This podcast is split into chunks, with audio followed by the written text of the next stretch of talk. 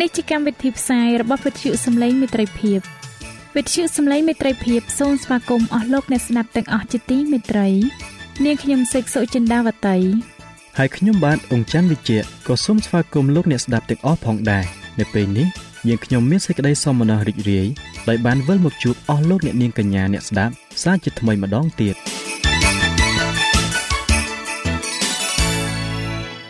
នាងខ្ញុំសេកសុចិន្តាវតី សូមជម្រាបជូនកម្មវិធីផ្សាយ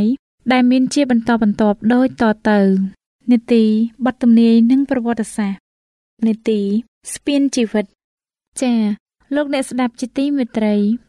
នាងខ្ញុំសូមគោរពអញ្ជើញអស់លោកលោកស្រី អ្នកនាងកញ្ញាតាមដានស្ដាប់កម្មវិធីផ្សាយរបស់វិទ្យុយើងខ្ញុំដូចតទៅ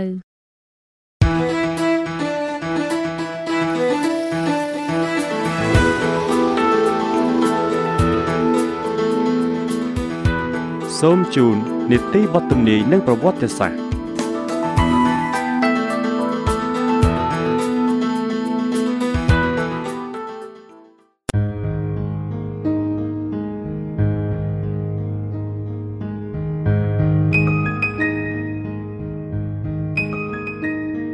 បាទអស់លោកអ្នកស្ដាប់ជាទីមេត្រីខ្ញុំបាទសូមជម្រាបសួរដល់អស់លោកលោកស្រីនិងអ្នកនាងកញ្ញាដែលកំពុងតាមដានស្ដាប់វិទ្យុយើងខ្ញុំទាំងអស់គ្នានៅពេលនេះ បាទនៅថ្ងៃនេះខ្ញុំបាទមានអំណរដែលបាននាំយកចម្ពោះថ្មីមួយទៀតមកជម្រាបជូនដល់លោកអ្នកដែលមានចំណងជើងថាការប្រឈមមុខនឹងបញ្ជីជីវិតមនុស្សភាគច្រើនបានគិតថាអ្វីដែលខ្លួនបានធ្វើនៅទីកំបាំងគ្មានអ្នកណាបានដឹងទេហើយពួកគេបានលាក់រឿងអាចកំបាំងនោះទុកគឺពួកគេគិតថានឹងលាក់ទុករហូតដោយគ្មានអ្នកណាដឹងឡើយតាមពិត គឺមិនមែនដូច្នោះទេតើលោកអ្នកធ្លាប់ឆ្ងល់ទេថាបញ្ជីជីវិតជាអ្វីហើយមានកត់ទុកអ្វីខ្លះនៅក្នុងបញ្ជីនោះ តើហើយនរណាទទួលខុសត្រូវចំពោះបញ្ជីនេះនៅក្នុងការសរសេរចូលឬក៏លុបចេញនោះបាទខ្ញុំបាទជឿជាក់ថាលោកអ្នកពិតជាចង់នឹងចម្លើយទៅនឹងសំណួរទាំងនេះបាទដើម្បីកុំឲ្យខាតពេល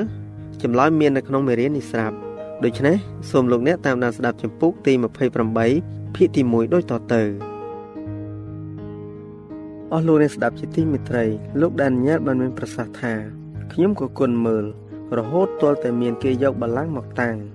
ហើយព្រះដ៏មានព្រះជន្មពីចាស់បុរាណទ្រង់ក៏គង់លើព្រះហស្ថទ្រង់សស្គូដូចហេមៈហើយព្រះកេសនៅព្រះសិទ្រង់ក៏សដូចរោមជាមយ៉ាងស្អាតឯបលាំងនោះសុទ្ធតែជាអណ្ដាតភ្លើង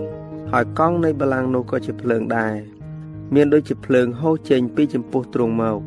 មានទាំងពន់ទាំងពន់ដែលគោរពដល់ទ្រង់ហើយទាំងម៉ឺនទាំងសែនក៏ឈរនៅចំពោះទ្រង់នោះការវិនិច្ឆ័យបានរៀបចំជាស្រេច ឯបញ្ជីទាំងប៉ុន្មាន បានបើកឡើងហើយដែលអញ្ញាលចំពុកទី7ខ9និងខ10ការទាំងនេះបានប្រទានមកឲ្យលោកដានីយ៉ែលបានឃើញ នៅថ្ងៃដ៏ធំ ដែលជីវិតទាំងឡាយរបស់មនុស្សកំពុងស្ថិតនៅចំពោះមុខចែកក្រមនៃផែនដីទាំងមូល ព្រះដ៏មានប្រជញ្ញពីចាស់បុរាណគឺជាព្រះវរបិតាទ្រង់ជាប្រភពនៃសត្វមានជីវិតទាំងអស់ជាប្រភពនៃច្បាប់ទាំងអស់ ជាអ្នកគ្រប់គ្រងក្នុងទីជំនុំជម្រះដោយមានពួកទេវតាបរិសុទ្ធជាមន្ត្រី និងជាស្មោបន្ទាល់ចូលរួមផងដែរលោកដានីយ៉ែលក៏បានបន្តទៀតថាក៏ឃើញមានមួយអង្គដូចជាកូនមនុស្សទ្រង់យាងមកក្នុងពពកឯដកអាកាសទ្រង់យាងមកឯព្រះដ៏មានប្រជញ្ញពីចាស់បុរាណនោះហើយមានគេនាំទៅឯចំពោះព្រះអង្គនោះបានប្រគល់ឲ្យទ្រង់មានអំណាចគ្រប់គ្រងនិងស្រីល្អ ព្រមទាំងឲ្យមានរាជផង ដើម្បីឲ្យបណ្ដាជនទាំងឡាយសាសដតីនិងមនុស្សគ្រប់ភាសា បានគោរពដល់ទ្រង់ឯអំណាចគ្រប់គ្រងរបស់ទ្រង់នោះក៏ស្ថិតនៅអស់កលឥតដែលកន្លងបាត់ឡើយដានញ៉ែលចំពុកទី7ខ13និងខ14ការវិពន្ធនាអំពីដំណើរយាងមករបស់ព្រះគ្រីស្ទនៅត្រង់នេះពុំមែនជាការមកជាពុំមែនជាការយាងមក ជាលើកទី2របស់ទ្រង់មកកាន់ផែនដីទេ គឺទ្រង់បានយាងទៅកាន់ព្រះដ៏មានប្រជញ្ញពីចាស់បុរាណនៅស្ថានសួគ៌ដើម្បីក្រងរាជដែលនឹងត្រូវប្រគល់ថ្វាយទ្រង់នៅទីបញ្ចប់ នៃការងារជាស្ពានមេត្រី ការយាងមកនេះពុំមែនជាការយាងមកជាលើកទី2មកកាន់ផែនដីឡើយគឺជាការយាងនៅទីបញ្ចប់នៃកំណត់2300ថ្ងៃនាឆ្នាំ1844សម្ដេចសង្ឃជួនខ្ពស់របស់យើង បានយាងចូលទៅក្នុងទីបរិសុទ្ធបំផុតនៃរោងអបោសុតដើម្បីទទួលការងារជាសង្ឃជាលើកចុងក្រោយបង្អស់ជំនួសមនុស្សលោកនៅក្នុងកិច្ចការថ្វាយយ៉ាញ់បូជា ដែលជានិមិត្តរូបនោះមានតែអ្នកដែលមានអំពើបាបរបស់ខ្លួនត្រូវបានផ្ទេរទៅកាន់រោងអបោសុតទេទើបមានចំណែកនៅក្នុងថ្ងៃបុណ្យធូននឹងបាបដូច្នេះនៅក្នុងការប្រលោះបាបដ៏ធំ ហើយនឹងនៅគ្រាជំនុំជម្រះដ៏អឡារឹកដោយពិនិត្យអង្កេតជាចុងក្រោយបងអស់នោះ ករណីដែលត្រូវពិចារណា មានតែករណីរបស់អ្នកដែលចាត់ទុកថាខ្លួន ជាបណ្ដាជនរបស់ព្រះតែប៉ុណ្ណោះការជំនុំជម្រះមនុស្សអាក្រក់គឺជាកិច្ចការផ្សេងផ្សេងគ្នាដែលធ្វើនៅពេលក្រោយមកទៀតលោកពេត្រុសបានមានប្រសាសន៍ថាត្បិតសេចក្តីជំនុំជម្រះត្រូវចាប់ផ្ដើមពីដំណាក់នៃព្រះទៅពេត្រុសទី1ចំពុកទី4ខ17បញ្ជីកំណត់ហេតុនៅនគរស្ថានសួគ៌ ត្រូវអនុម័តសេចក្តីសម្រេចនៃការជំនុំជម្រះបញ្ជីជីវិតមានឈ្មោះរបស់អ្នកទាំងអស់ដែលធ្លាប់បានចូលទៅក្នុង ពិធីថ្វាយបង្គំព្រះព្រះយេស៊ូវមានបន្ទូលទៅកាន់ពួកសិស្សថាត្រូវឲ្យរីករាយដោយព្រោះឈ្មោះអ្នករាល់គ្នាបានកត់ទុកនៅឯនគរស្ថានសួគ៌សាវកប៉ុលបានមានប្រសាសន៍អំពីអ្នកធ្វើការជាមួយគាត់ដែលមានឈ្មោះកត់ទុកនៅក្នុងបញ្ជីជីវិតដែរភីលីបចំពុកទី4ខ3លោកដានញ៉ែលបញ្ជាក់ថារាជរបស់ព្រះ នឹងត្រូវបានប្រោះឲ្យរួចគឺអស់អ្នកណា ដែលមានកត់ទុកនៅក្នុងបញ្ជី អ្នកបើកសម្ដែងក៏បានថ្លែងថា អ្នកដែលបានចូលទៅក្នុងទីក្រុងនោះគឺបានតែអ្នកណាដែលមានឈ្មោះកត់ទុកនៅក្នុងបញ្ជីជីវិតរបស់កូនជាមតែប៉ុណ្ណោះលូកាចំពុកទី10ខ20ភីលីបចំពុកទី4ខ3ដានីយ៉ែលចំពុកទី12ខ1វិវរណៈចំពុកទី21ខ27នៅក្នុងសិភើរំលឹក មានកត់ត្រានៅអំពើល្អរបស់ពួកអ្នកដែលកោតខ្លាចដល់ទ្រង់និងពួកអ្នកដែលនឹកដល់ព្រះនាមព្រះអង្គគ្រប់ទាំងសេចក្តីល្បងដែលបានទប់ទល់គ្រប់ទាំងអំពើអាក្រក់ដែលបានយកឈ្នះគ្រប់ទាំងពាក្យអាណិតអាសូរដែលបានបន្លឺឡើងគ្រប់ទាំងកិច្ចពាក្យលិកម្មនិងគ្រប់ទាំងទុកព្រួយដែលបានទ្រាំទ្រដើម្បីព្រះគ្រីស្ទសុទ្ធតែមានកត់ទុកទាំងអស់ទ្រង់រាប់អស់ទាំងការរសាត់អណ្ដែតរបស់ទូមង្គម សូមទ្រង់ដាក់អស់ទាំងទឹកភ្នែករបស់ទូមង្គមទុកនៅក្នុងដបនៃទ្រង់តើមិនកត់ទុកនៅក្នុងបញ្ជីជីវិតទេឬអីម៉ាឡាគីចំពុកទី3ខ16ទំនុកនឹងកាងចំពុកទី56ខ8បាទអស់លោកអ្នកស្ដាប់ជាទីមេត្រីមនុស្សយើងម្នាក់ម្នាក់សុទ្ធតែមានអំពើលាក់កំបាំងតើការលាក់កំបាំងទាំងនោះអាចលាក់បានជារៀងរហូតដែរឬទេ មានការកត់ត្រាផងដែរចំពោះអំពើបាបរបស់មនុស្សពីព្រោះ ព្រះទ្រង់នឹងនាំគ្រប់ការទាំងអស់មកដើម្បីជំនុំជម្រះព្រមទាំងអ្វីៗដែលលាក់កំបាំងផងទោះល្អឬអាក្រក់ក្តីអស់ទាំងហេតុនៃពាក្យឥតប្រយោជន៍ដែលមនុស្សបាននិយាយនោះនឹងត្រូវរៀបរាប់ប្រាប់នៅថ្ងៃជំនុំជម្រះត្បិតអ្នកនឹងបានរាប់ជាសុចរិតដោយសារពាក្យសម្ដីរបស់ខ្លួន ឬនឹងត្រូវទោសក៏ដោយសារតែពាក្យសម្ដីនោះដែរអំពើអាចកំបាំងនឹងលេចឡើងនៅក្នុងបញ្ជីត្បិតព្រះ ទ្រង់នឹងយកអស់ទាំងអំពើលះកំបាំងដែលធ្វើនៅទីងងឹតមកដាក់នៅឯទីភ្លឺវិញ ហើយនឹងបើកសម្ដែងឲ្យឃើញអស់ទាំងគំនិត នៅក្នុងចិត្តមនុស្សផងសាស្តាចំពុកទី12ខ14ម៉ាថាយចំពុកទី12ខ36និង37កូរិនថូសទី1ចំពុកទី4ខ5នៅពីមុខឈ្មោះនីមួយៗនៅក្នុងសិភៅនៃនគរស្ថានសួគ៌មានចុះអស់ទាំងពាក្យខុសឆ្គង អស់ទាំងអំពើអាត្មានិយមអស់ទាំងភារកិច្ចដែលពុំបានបំពេញហើយនឹងអស់ទាំងអំពើបាប ដែលបានលាក់កំបាំងផងដែរការប្រមានដែលបានបញ្ជូនពីនគរស្ថានសួគ៌និងការមិនរវល់នឹងសេចក្តីបន្ទោសការចំណាយពេលឥតប្រយោជន៍ឬការបញ្ចេញឥទ្ធិពលដ៏ជ្រាលជ្រៅចំពោះអំពើល្អឬអាក្រក់ទាំងអស់សុទ្ធតែបានកត់ទុក ដោយទេវតាដ៏ជាស្មៀនក្រឹតវិន័យរបស់ព្រះគឺជាຂ្នាតនៅក្នុងការជំនុំជម្រះ ដូច្នេះចូលកោតខ្លាចដល់ព្រះហើយការតាមបញ្ញត្តិទ្រង់ចុះត្បិតប៉ុណ្ណេះឯងជាកិច្ចទាំងមូលដែលមនុស្សត្រូវធ្វើពីព្រោះនៅចំពោះទ្រង់នឹងនាំគ្រប់ទាំងការទាំងអស់មកដើម្បីជំនុំជម្រះជួយអ្នករាល់គ្នានិយាយព្រមទាំងប្រព្រឹត្តបែបដូចជាក្រឹតវិន័យនៃសេចក្តីសេរីភាពរៀបនឹងជំនុំជម្រះអ្នកឲ្យចុះសាស្តាចំពុកទី12ខ13និងខ14យ៉ាកុបចំពុកទី2ខ12អស់អ្នកដែលបានរាប់ជាគូ នៅក្នុងចំណែកនៃការរស់ឡើងវិញនៃពួកសុចរិតព្រះយេស៊ូវទ្រង់បានមានបន្ទូលថាអស់អ្នកដែលបានរាប់ជាគូឲ្យបានទៅឯបរលោកនាយហើយឲ្យបានរស់ពីសេចក្តីស្លាប់ឡើងវិញ ហើយជាពួកកូនរបស់ព្រះផងដោយបានរស់ពីស្លាប់ឡើងវិញ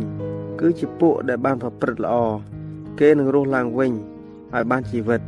លូកាចំពុកទី20ខ45និង46យូហានចំពុកទី5ខ29 ពួកសុចរិតដែលស្លាប់ទៅ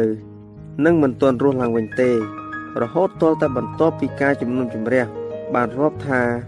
ពួកគេគួរតែរស់ឡើងវិញឲ្យបានជីវិត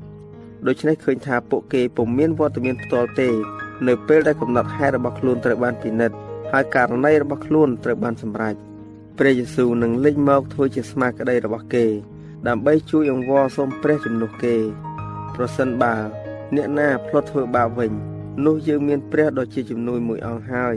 ដែលទ្រង់គង់នៅចំពោះព្រះវរបិតាគឺជាព្រះយេស៊ូវគ្រីស្ទជាព្រះដ៏សុចរិតត្បិតព្រះគ្រីស្ទទ្រង់មិនបានជាងចូលទៅក្នុងទីបរិសុទ្ធដែលធ្វើដោយដៃ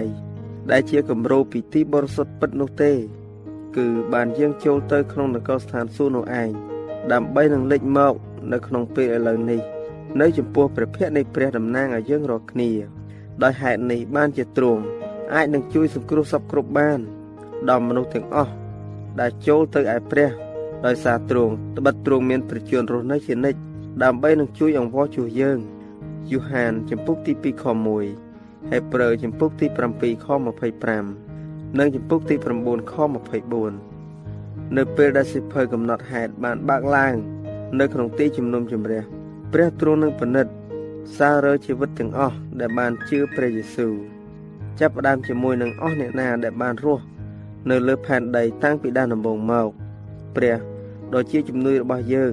បញ្ចេញនៅករណីរបស់យើងម្នាក់ម្នាក់តាំងពីដើមរៀងមកគេបានហៅឈ្មោះទាំងអស់ព្រមទាំងពិនិត្យអង្កេតផង មានឈ្មោះដែលបានទទួល និងឈ្មោះដែលមិនបានទទួលបើនរណាម្នាក់មានអំពើបាប នៅលើសិភៅកំណត់ហេតុព្រោះមិនបានកែប្រែចិត្ត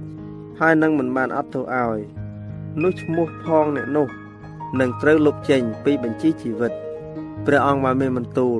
ដល់ហារ៉ាម៉ូសេថាឯអ្នកណាបានធ្វើបាបនឹងអញនោះអញនឹងលុបឈ្មោះនៅនោះឯងចេញពីបញ្ជីរបស់អញនិខមណាងចំពុកទី42ខ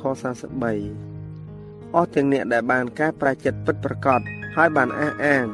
ព្រះលិហិតរបស់ព្រះគ្រីស្ទទុកជាយ៉ាញ់បូជាប្រុសលោះរបស់ខ្លួននោះនឹងបានទទួលសេចក្តីអត់អន់ទោស ហើយបានកត់ចូលទៅក្នុងសិភៅនៅនគរស្ថានសួគ៌នៅពេលដែលគេ មានចំណែកនៅក្នុងសេចក្តីសុចរិតរបស់ព្រះគ្រីស្ទហើយនោះចរិតលក្ខណៈរបស់គេនឹងបានសមស្របទៅតាមក្រឹតវិន័យរបស់ព្រះអំពើបាបរបស់គេត្រូវបានលុបចេញ ហើយគេនឹងបានរាប់ជាគួរទទួលជីវិតអស់កលព្រះទ្រង់បានមានបន្ទូលថា គឺអញអញនេះហើយ ជាអ្នកដែលលុបអំពើរំលងរបស់ឯងចេញ ដោយយល់ដល់ខ្លួនអញហើយ អញមិននឹកចាំអំពីអំពើបាបរបស់ឯងទៀតឡើយឯអ្នកណាដែលឈ្នះនោះនឹងបានស្លៀកពាក្យសហើយអញនឹងថ្លែងប្រាប់អំពីឈ្មោះអ្នកនោះនៅចំពោះព្រះវរបិតាអញហើយនឹងចំពោះពួកទេវតារបស់ទ្រង់ដែរដូច្នេះអ្នកណាដែលទទួលថ្លែងអំពីខ្ញុំនៅចំពោះមនុស្សលោកនោះខ្ញុំនឹងទទួលថ្លែងប្រាប់ពីអ្នកនោះនៅចំពោះព្រះវរបិតាខ្ញុំដែលគង់នៅនគរស្ថានសួគ៌ដែរ តែអ្នកណាមិនព្រមទទួលស្គាល់ខ្ញុំនៅចំពោះមនុស្សលោកទេនោះខ្ញុំក៏មិនព្រមទទួលស្គាល់អ្នកនោះនៅចំពោះព្រះវរបិតាខ្ញុំ ដែលគង់នៅនគរសានសួរដែរចា៎ដោយពេលវេលាមានកំណត់យើងខ្ញុំសូមអនុទីបទទំនាយនិងប្រវត្តិសាស្ត្រត្រឹមតែប៉ុណ្ណឹងសិនចុះដោយសន្យាថានឹងលើកយកនីតិនេះមកជម្រាបជូនជាបន្តទៀត នៅថ្ងៃអង្គារសប្តាហ៍ក្រោយ សូមអរគុណ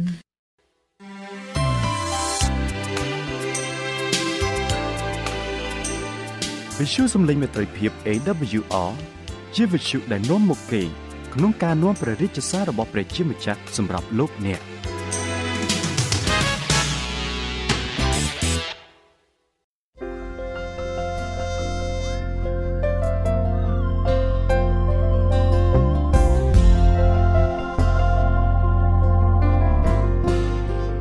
ខ្ញុំបាទសូមជម្រាបសួរអស់លោកអ្នកស្ដាប់ជាទីមេត្រីសូមឲ្យលោកអ្នកបានប្រកបដោយព្រះគុណនិងសេចក្តីសុខសាន្តអំពីព្រះវរបិតានៃយើង និងពីព្រះអម្ចាស់យេស៊ូវគ្រីស្ទខ្ញុំបាទមានអំណរណាស់ដែលបានវិលមកជួបលោកនាងសាជាថ្មីនៅក្នុងនីតិស្ពានជីវិតនេះម្ដងទៀតបាទហើយនៅថ្ងៃនេះខ្ញុំបាទសូមលើកយកមេរៀនទី7ដែលមានចំណងជើងថាជ័យជំនះដោយសារព្រះយេស៊ូវ បាទតើជ័យជំនះទៅលើបញ្ហាអ្វីខ្លះដែលយើងទទួលបានដោយសារតែព្រះយេស៊ូវនោះដូច្នេះខ្ញុំបាទសូមអញ្ជើញលោកអ្នកស្ដាប់តាមដានស្ដាប់មេរៀនទី7នេះជាមួយនឹងខ្ញុំបាទដូចតទៅបាទជាដំបូងខ្ញុំបាទសូមជូនរឿងមួយសិនមានបរិសម្នាក់នៅក្នុងភូមិមួយ ដែលពូកែខាងរកស៊ីបោកប្រាស់គេ អ្នកភូមិជិតឆ្ងាយបានស្គាល់គាត់គ្រប់គ្រប់គ្នា ថ្ងៃមួយបរោះជើងបោកបានចូលទៅផ្ទះពូម្នាក់ដែលនៅក្នុងភូមិជាមួយគាត់ ហើយរៀបរាប់អំពីដំណើរគាត់ទៅកំពង់សោមដើម្បីរកស៊ីបរោះម្ចាស់ផ្ទះស្គាល់ច្បាស់ណាស់ថាម្នាក់នោះគឺជាជើងបោកតែដោយខ្វះការប្រុងប្រយ័ត្ននិងដោយកលល្បិចយ៉ាងប៉ិនប្រសប់របស់បុគ្គលនោះពូម្ចាស់ផ្ទះក៏លងខ្លួនឲ្យបរោះនោះខ្ចីប្រាក់អស់ចំនួន50ម៉ឺនរៀលពេលបរោះនោះចេញទៅបាត់ទើបគាត់សង្ស័យថាអ៊ីអញចាញ់បោកវាទេដឹង សូមលោកអ្នកជ្រាបថា អ្នកបោកប្រាស់មានស្នៀតច្រើនណាស់ សំបីលោកអ្នកស្គាល់គេច្បាស់ហើយក៏ដោយក៏គង់ភ្លាត់ស្នៀតដែរចំណែកឯយើងវិញក៏ត្រូវប្រុងប្រៀបខ្លួនមុនជានិច្ចដែរដើម្បីកុំឲ្យចាញ់ល្បិចរបស់អរសាតាំងសាតាំងជាមេបោកប្រាស់ដែលពោពេញទៅដោយល្បិចកលត្បិតព្រះគម្ពីរយ៉ូហានជំពូកទី8ខ44បានចែងថាសាតាំងជាអ្នកសម្លាប់គេតាំងពីដើមមក វាមិនបានជាប់នៅក្នុងសេចក្តីពិត ព្រោះគ្មានសេចក្តីពិតនៅក្នុងវាទេ កាលណាវាពោពាកភូតផោនោះដោះចេញអំពីចិត្តវាមកត្បិតវាជាអ្នកកំពូតហើយជាឪពុកនៃសេចក្តីនោះឯងតើលោកអ្នកត្រូវធ្វើយ៉ាងណាទើបអាចយកឈ្នះសេចក្តីល្បួងរបស់សត្វទាំងបាន បាទចំណុចទី1ការរៀបចំខ្លួនដើម្បីទប់ទល់នឹងសេចក្តីល្បួងសេចក្តីល្បួងអាចកើតមានភ្លាមភ្លាមដល់យើងនិងពោពេញដោយកលល្បិចដែលគួរឲ្យភ័យខ្លាចហេតុនោះហើយបានជាយើងតែងតែធ្លាក់ ចូលទៅក្នុងការល្បួងឲ្យធ្វើនៅអំពើមួយដែលយើងមិនចង់ធ្វើតទៅសោះជាញឹកញាប់ការនោះអាចកើតមានឡើងបាន ដោយសារយើងមិនបានប្រុងប្រៀបជាមុនយើងដឹងហើយថាគ្មានការងារណាដែលបានជោគជ័យដោយគ្មានផែនការយ៉ាងម៉ត់ចត់និងគិតគូរឲ្យបានច្បាស់លាស់ជាមុននោះទេយ៉ាងណាមិញលោកអ្នកក៏មិនអាចយកជ័យជំនះលើអំពើបាបបាន ដោយគ្មានគម្រោងផែនការឬប្រុងប្រៀបជាមុននោះដែរ ចំណុចទី1ក៏ត្រូវស្គាល់ភាពទន់ខ្សោយរបស់លោកអ្នកសូមចំណាយពេលឆ្លុះបញ្ចាំងមើលនៅសេចក្តីល្បួងទាំងឡាយដែលធ្លាប់មានជ័យជំនះលើលោកអ្នកព្រមទាំងគិតអំពីពេលវេលាដែលសេចក្តីល្បួងទាំងនោះតែងកើតឡើងហើយត្រូវទទួលស្គាល់ថាលោកអ្នកបានខំប្រឹងប្រែងតស៊ូដើម្បីយកជ័យជំនះលើសេចក្តីល្បួងនោះដែរតែកម្លាំងលោកអ្នកហាក់ដូចជាទន់ខ្សោយខ្លាំងពេកខ្ញុំបាទសូមលើកយកជាឧទាហរណ៍មួយស្ដីអំពីនារីម្នាក់ឈ្មោះសាលី ដែលបានជឿព្រះយេស៊ូវហើយតែនាងមិនអាចទប់កំហឹងនឹងពាក្យសម្ដីគំរោះគំរើយបាន នាងត្រូវការបញ្ឈប់និងទទួលស្គាល់ថា នាងពិតជាមានបាបនេះនៅក្នុងជីវិតរបស់នាង ហើយនាងក៏ត្រូវដឹងដែរថា នាងមិនអាចយកជ័យជំនះលើអំពើបាបដោយខ្លួនឯងបានឡើយ។ព្រះគម្ពីរយ៉ាកុបជំពូកទី3ខ8បានចែងថាតែឯអណ្ដាតវិញនោះគ្មានអ្នកណាអាចនឹងផ្សាំងបានឡើយ គឺជារបស់ដែលទប់មិនបានក៏មានពេញដោយពឹសដែលនាំឲ្យស្លាប់ដូចជានាងសាលីនេះជាដើមដែលមានអណ្ដាតពោពាក្យគំរុះគំរើយនិងកំហឹងលោឡាជារៀងរាល់ថ្ងៃជាពិសេសនៅពេលដែលប្តីគាត់មកពីធ្វើការយឺតឬនៅពេលដែលគាត់ឮថាអ្នកចិត្តខាងណានិយាយអាក្រក់ពីគាត់ កំហឹងនេះកើតឡើងក្នុងចិត្តនាងសាលីច្រើនជាងធម្មតា នៅពេលណាដែលនាងភ្លេចអធិដ្ឋាន និងអានព្រះគម្ពីរឬពេលដែលនាងមានការធ្លាក់ទឹកចិត្តអំពីរឿងអ្វីមួយតើលោកអ្នកដឹងទេថាខ្លួនលោកអ្នកផ្ទាល់មានចំណុចខ្សោយផ្នែកណាដែរបើលោកអ្នករកចំណុចខ្សោយនោះមិនឃើញទេនោះលោកអ្នកក៏ពិបាកនឹងយកជ័យជំនះលើវាដែរដូចជាបើលោកអ្នកមិនដឹងកន្លែងរមាស់ច្បាស់ទេនោះក៏មិនដឹងជាអេះត្រង់ណាដែរ កងទ័ពដែលចង់យកជ័យជំនះលើខ្មាំងសត្រូវ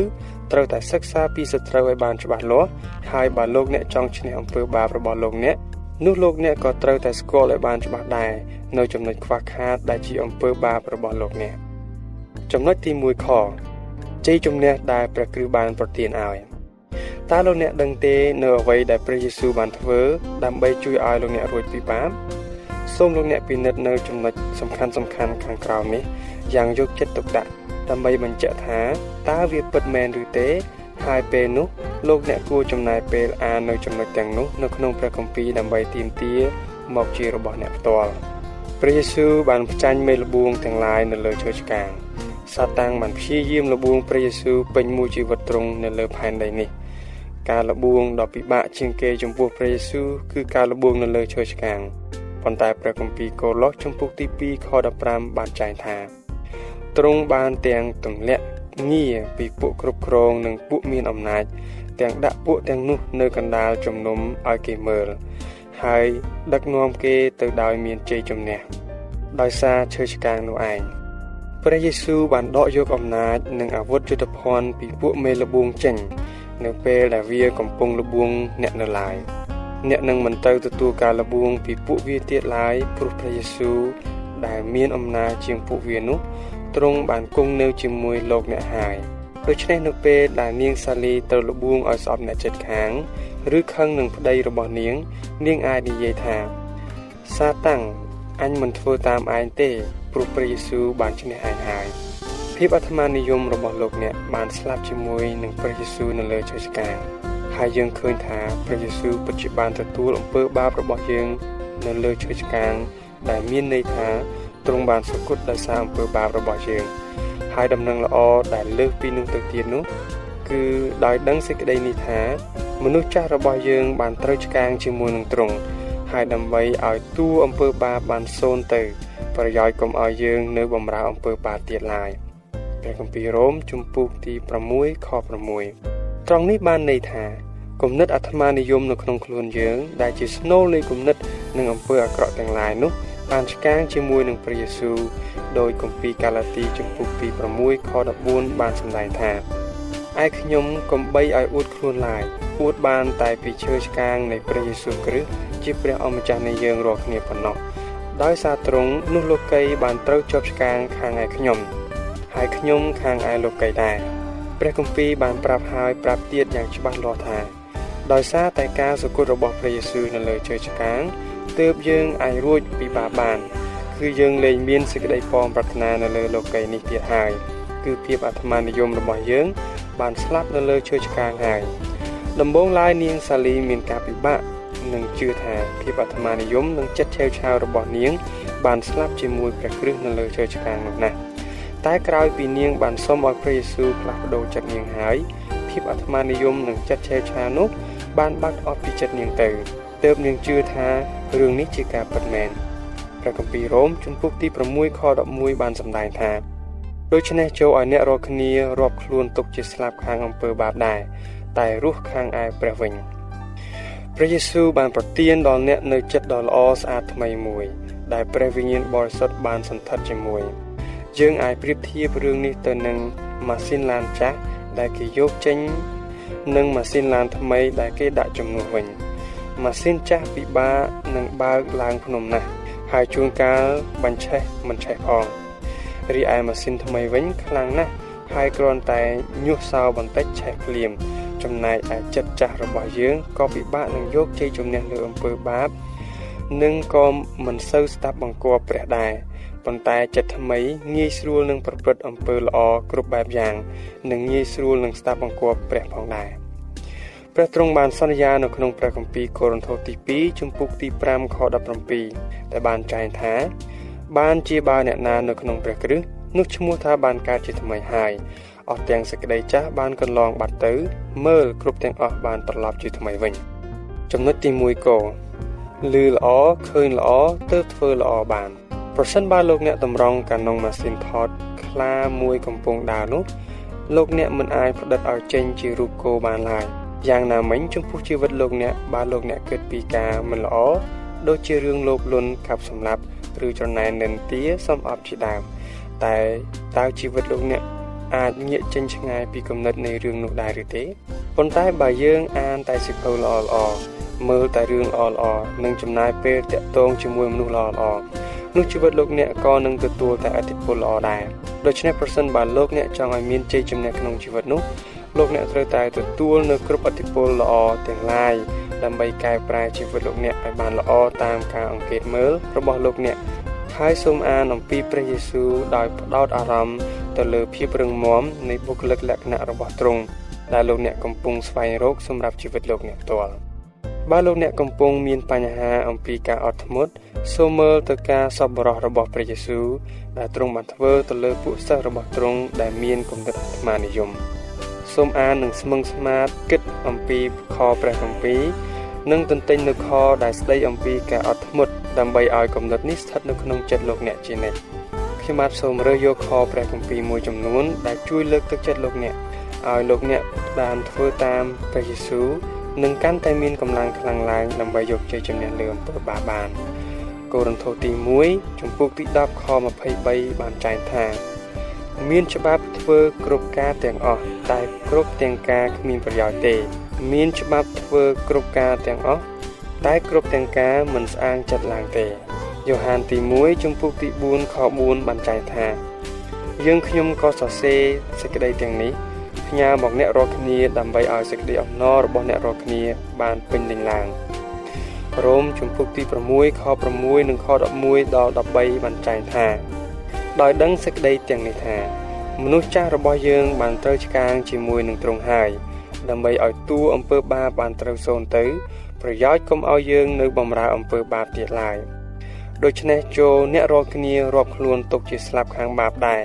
តែរស់ខាងឯព្រះវិញចុះដោយនៅព្រះគ្រីស្ទយេស៊ូវជាព្រះអម្ចាស់នៃយើងរាល់គ្នាហេតុនេះកុំឲ្យបាបសោយរាជក្នុងរូបកាយរបស់អ្នករាល់គ្នា ដែលតែងតែស្លាប់ដើម្បីនឹងស្ដាប់តាមសេចក្តីប៉ងប្រាថ្នារបស់បាបនោះឡើយ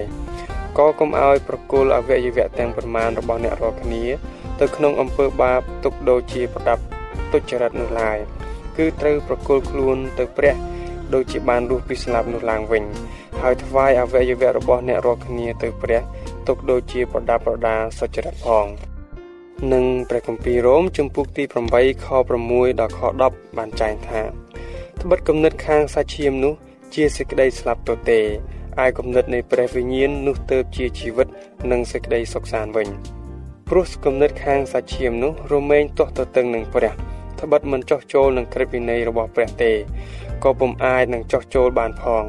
ពួកអ្នកដែលនៅខាងសាច់ឈាមនោះពុំអាចនឹងគប់ប្រហារតីដល់ព្រះបានឡើយតែបើសិនជាព្រះវិញ្ញាណនៃព្រះសន្ធិដ្ឋក្នុងអ្នករាល់គ្នានោះអ្នករាល់គ្នា មិននៅខាងសាច់ឈាមទៀតទេ គឺនៅខាងវិញ្ញាណវិញ